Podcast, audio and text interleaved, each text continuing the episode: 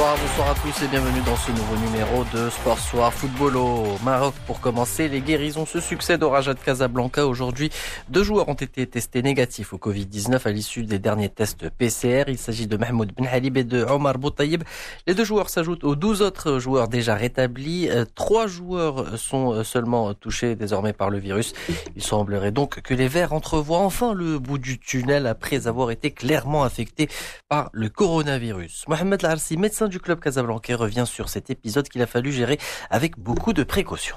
La première des choses qu'on a fait, c'était le confinement, c'est l'isolement, ça c'est obligatoire. Le démarrage du, traitement médical. Le confinement a consisté d'isoler tous les cas positifs dans un seul rayon et sous une couverture médicale euh, régulière. Après les trois premiers jours euh, donc euh, du traitement, je crois, ils commencent à se sentir bien. Et à savoir que parmi les, cas de Covid positifs que j'ai cités, il y a des joueurs qui sont asymptomatiques, qui n'ont aucun symptôme. Mais eux aussi, ils étaient au confinement. C'est-à-dire qu'on ne les a pas laissés s'entraîner, ni se balader dans les couloirs. Ils restent dans leur chambre, confinés dans leur chambre, et puis en attendant, euh, bien sûr, euh, la négativité du test.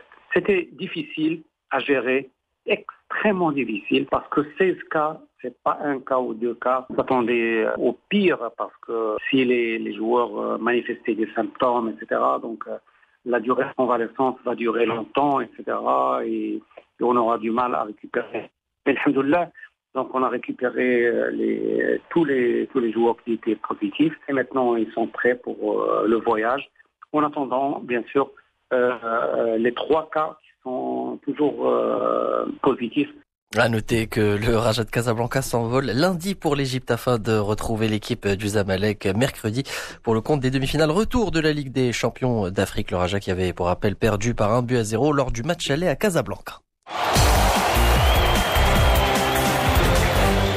Le football en Europe et d'abord en Espagne où Eden Hazard a célébré sa première titularisation de la saison par un superbe but pour lancer le Real Madrid vers un large succès face à Huesca 4-1.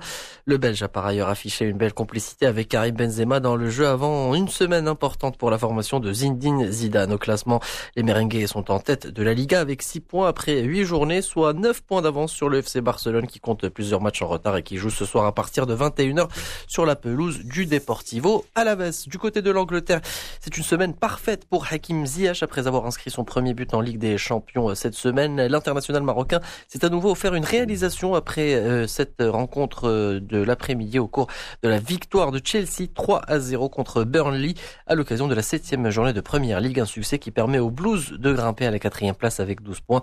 Plus tôt dans la journée, Manchester City a dominé Sheffield 1 à 0. Et puis en ce moment, Liverpool affronte West Ham, une journée qui sera marquée par le choc entre Manchester United et Arsenal demain.